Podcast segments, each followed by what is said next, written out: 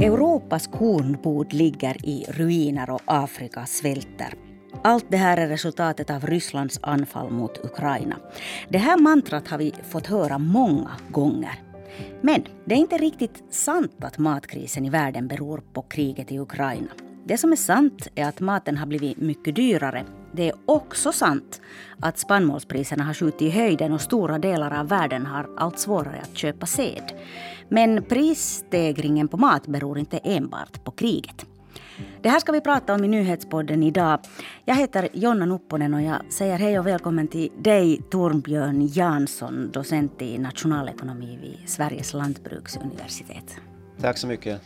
Det här börjar egentligen så att du och dina forskarkollegor börjar störa er på de skenande priserna på mat och framförallt då kanske spannmål och börjar titta lite närmare på det här. Vad var det som fick er att börja undra?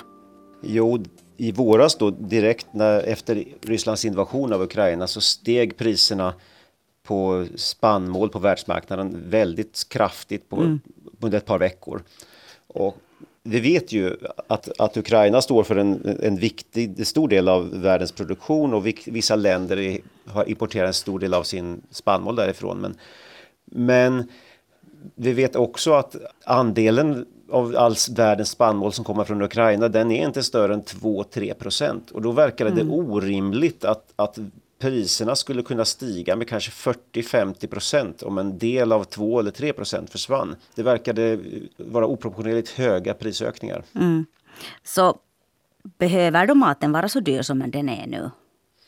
Det vi kom fram kort, till i korta drag det är att den här prisökningen kan inte förklaras av att det blir mindre spannmål från Ukraina. Mm.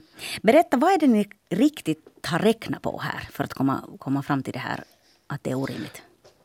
Jo, vi har ju en, en, ekonomisk simuleringsmodell där vi kan räkna på, på världens marknader och framställning av livsmedel, handel med, med olika varor och så vidare och efterfrågan. Och, och där har vi då kört scenarier där vi har har låtit produktionen av de viktigaste spannmålslagen i Ukraina och av oljeväxter minska med olika mycket. Då. Vi har räknat olika varianter. Då. Så vi har tagit bort helt enkelt en stor del av skörden i Ukraina och sett hur det påverkar världens, världsmarknadspriserna och konsumtionen och, och resten av livsmedelskedjan. Vad är det mest spännande ni har kommit fram till? Ja, det mest spännande är ju egentligen det som vi inte kom fram till, nämligen att, att prisökningen borde inte bli så stor som den är. Det, det, borde, det här borde ge en prisökning på kanske i våra scenarier då 5 till 10 procent. Lite mer i de regioner som är mest beroende av, av import från Ukraina och mindre kanske i andra, andra länder då. Priset på vete var som värst här under våren hisnande 91 procent mer än i januari 2021. Mm. Och man har då antagit, kanske lite slarvigt, att det är global spannmålsbrist som har lett till de här skyhöga priserna. Men råder det faktiskt global spannmålsbrist? Korta svaret är nej. Det, det gör det inte. Det, även om en stor del av all spannmål från Ukraina skulle falla bort i år då, så är det ändå en väldigt liten del av, av världens spannmål som berörs. Det är kanske en och en halv procent av världens spannmål som vi kan tala om här. Mm. Och, och många användare och köpare av spannmål är, kan vara flexibla. Till exempel foderindustrin har möjligheter att på relativt kort sikt byta mellan olika fodermedel och så vidare. Så så det korta svaret är nej, det är ingen spannmålsbrist. Mm. Det mer utförliga svaret skulle man säga att, att priserna har ju blivit högre. Så att de som inte har råd att köpa mat för dagen, för dem är det ju naturligtvis en brist. Hur har de här spannmålspriserna nu egentligen sett ut och gått sen, sen kriget började? Du har visst hängt på spannmålsbörsen ganska mycket under det senaste halvåret, eller? Jo, det stämmer. Jag tittar med spänning ofta på, på utvecklingen där. Nej, så det, redan förra året, om man ska börja så, så, så ökade priserna ganska mycket under hösten och det, det, fick inte så mycket uppmärksamhet. Ökningarna var inte så stora men det var ändå mm. kanske 20-30% ökning under det, det halvåret. Men sen sjönk priserna fram till krigsutbrottet då i slutet av februari. När det blev ett jättesprång uppåt från, från säg 270 euro per ton kanske till 400 euro per ton, alltså 40-50 procent den storleksordningen. Mm. Men sen efter den initiala liksom puckeln, prispuckeln så har det faktiskt minskat. Det har inte kanske fått lika mycket uppmärksamhet i, i media men sen juni ungefär så har priserna stabiliserat sig på en, på en lägre nivå än den initiala toppnivån. Fortfarande mycket upp från förra året men, men inte längre så högt som, som i krigets första två månader. Och med mycket mindre variation från vecka till vecka också. Mm. Eh, men spannmålet har i alla fall blivit dyrt och, och enligt era beräkningar orimligt dyrt efter Rysslands invasion av Ukraina. Varför trissas priset på spannmål upp? Mm, det finns nog flera förklaringar till det.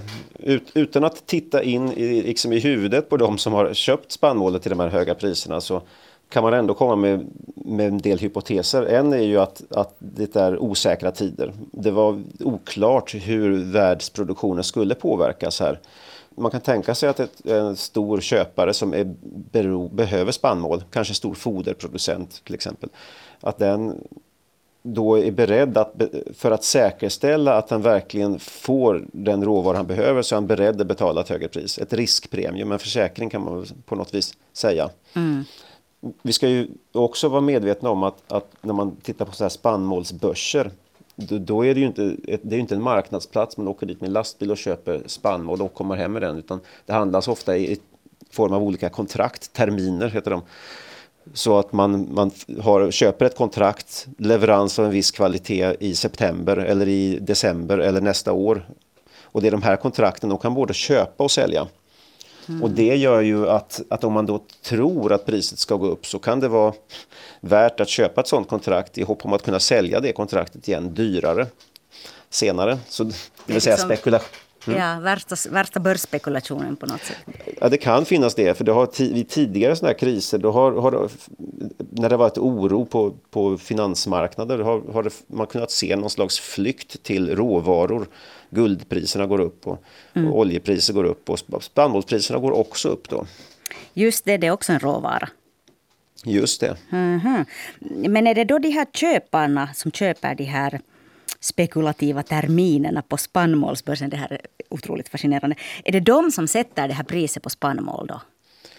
Ja, det är ju i, i, i, den bästa av världar så är det ju ingen enskild person som sätter priset utan det är ju resultatet av, av utbud och efterfrågan där man då de som har spannmål eller, eller äger sådana terminer då ger ett, anger ett pris hur mycket de är beredda att sälja och den som köper anger ett köpepris och så blir det till slut ett marknadspris av det här då. Mm. Men vet vi vem som gynnas av de här stigande priserna på spannmål världen över? Vem tjänar på det? Ja, det är ju en intressant fråga för alla som säljer spannmål tjänar ju på att priset är högt och de som köper spannmål förlorar på att priset är högt. Så, så de som säljer spannmål, det är ju, det till exempel är det, ju, är det ju lantbrukare som förstås då. Men det är ju inte säkert att det är lantbrukarna som, som äger de här terminerna. De kan ju ha Lantbrukaren i sin tur kan ofta ha sålt sin skörd på kontrakt långt innan, kanske året för, före skörden. Mm. Men och de som förlorar på det här, det är ju alla som köper spannmål till exempel. De som behöver foder till sina djur, de har ju fått se mycket högre foderkostnader nu då. Om det nu då inte råder spannmålsbrist i världen och prisstegringen på världsmarknaden inte är i rimlig proportion till det bortfall eh, från Ukraina som kriget har fört med sig. Så det här säger nu er forskning ingenting om, men jag måste ändå fråga. Vad är din uppfattning? Varför kostar maten i affären så mycket då? Var måste vi leta mm. förklaringar till det? Ja, det, man kan väl tänka sig två vägar. Av den, å ena sidan så, så beror det verkligen på sån här kostnadsökningar. Det skulle ju kunna vara en förklaring med energipriser och, och transporter och liknande. Mm. Eh, å andra sidan det, så en annan förklaring skulle kunna vara att marknaden inte fungerar, det vill säga att priset, prisökningen motsvaras inte av en ökning av kostnaden. Och det skulle ju kunna hända om det till exempel är så att det finns väldigt få företag på marknaden. Till exempel i, i, i Sverige så finns det fyra dagligvarukedjor på, som, som då när det, när det är ett sånt litet antal då skulle det kunna bli så att, att de höjer priset i någon slags tyst samarbete. Mm. Men det, det, är väldigt svårt för oss att få veta eftersom vi inte kan se in i företagens prissättning. Eh, och, och det som talar emot det då kanske är att, att vi har sett liknande prisökningar i andra länder. Även i Finland har ju priserna då ökat. Mm. Så man skulle kanske kunna undersöka det genom att, att jämföra prisökningar i olika länder se om man kan se, lära sig någonting då. Mm, Finland har ju också väldigt få dagligvarukedjor. Eh, nu pratar vi om sådana som eh, i Sverige är det ICA och Coop och så vidare och i Finland är det då K och S-kedjorna. De är inte många i Finland heller så det är ju inte kanske helt långsökt att, att handeln ser sin chans här. Nej, det är i alla fall en möjlig förklaring. Mm. Vi i Sverige och Finland gnisslar tänder i mataffären men vilka är de globala konsekvenserna av de här höga priserna? Ja, vi, vi, i Sverige och Finland är ju globalt sett lyckligt lottade. Vi lägger mm. en relativt liten, de flesta hushåll får man väl säga i, i våra länder lägger en relativt liten del av sin inkomst på mat. Och, och man tycker det är tråkigt när, när, det, när priserna ökar men det är inte så att någon svälter för det. Men däremot i många andra delar av världen där lägger man en mycket stor del av sin inkomst på, på livsmedel och dessutom, det som gör saken värre då, är ju att, att man ofta köper lågförädlade varor. Säg att vi köper bröd så kanske de köper mjöl. Mm. Om man tänker sig att priset på vete ökar med en eller två kronor kilot så kommer brödpriset då också att öka med en eller två kronor kilot. I procent så blir det inte så mycket om, om brödet kostar, kostar 40 kronor kilot från början. Men däremot om man la hela sin inkomst som kanske i ett fattigt land, man lägger en stor del av sin inkomst på mjölet och det ökar med kanske fördubblas i pris. Då, sådana hushåll kan ju svälta. Mm. Nu så går ju faktiskt fartygen med spannmål och gödningsmedel igen ut från de ukrainska hamnarna vid Svarta havet. Eh, Ryssland slöt kanske lite överraskande ett avtal med Ukraina om export av spannmål i slutet av juli. Eh, mm. Det här avtalet meddelades fram av Turkiet och FN. Och ingår i det också att Ryssland också ska föra, få föra ut spannmål. Mm. Tror du det här kommer att ha någon betydelse för spannmålspriserna i världen? Jag tror att det kommer få, ha, att det kommer få betydelse för spannmålspriserna. Eh, men kanske inte i lika stor utsträckning för matpriserna mm. i butik. För, för spannmålspriserna, eftersom det ändå verkar som att det här risk, riskbeteendet och spekulationen där och osäkerheten i sig har, har gjort att priserna har ökat mer än, än vad som motiveras av själva produktionsminskningen så, så borde en sån här positiv signal så att säga, göra till att priserna kommer, kommer tillbaka ner lite grann. Mm. Men eh, de här priserna, prisändringarna i butik som vi ser, som vi har spekulerat i, de kan bero på kanske eh, ja, stimulanspaket efter pandemin, dyrare energi och så vidare. Brist på konkurrens. Det kan jag inte se tyvärr då att de skulle kunna sjunka för att, för att de exporterar mer spannmål från Ukraina. Mm. Det är liksom andra problem som bör tas tag i på annat håll kanske? Ja, i alla fall så är orsaks och sambandkedjan där längre. Jag måste ännu fråga, vilka reaktioner har ni fått på er forskning? Eh, jag tänker på hela den här rätt så enhetliga kören som har upprepat mantrat om hur kriget i Ukraina har lett till global matbrist. Senast hörde jag det på nyheterna mm. igår. Och så säger ni att ja, fast så är det ju inte. Ja, nej, men jag, den reaktionen vi oftast får är, är ändå att det, det, är bra att, att någon kommer med lite siffror och fakta mm. i, i diskussionen. Men många blir ju också förvånade naturligtvis. Förvånade men, men när, man, när vi lägger fram beräkningarna och siffrorna så, så då är det ju rimliga resultat vi har fått. Människor svälter ju i världen, det kan vi, så är det ju. Och, och svälten ökar nu men det beror inte på att det finns för lite mat utan det beror på att, att det finns för lite pengar. Eller för inkomsterna är för låga helt enkelt i de här länderna. Och kanske det finns problem med demokrati och, och institutioner och, och, så vidare. Mm.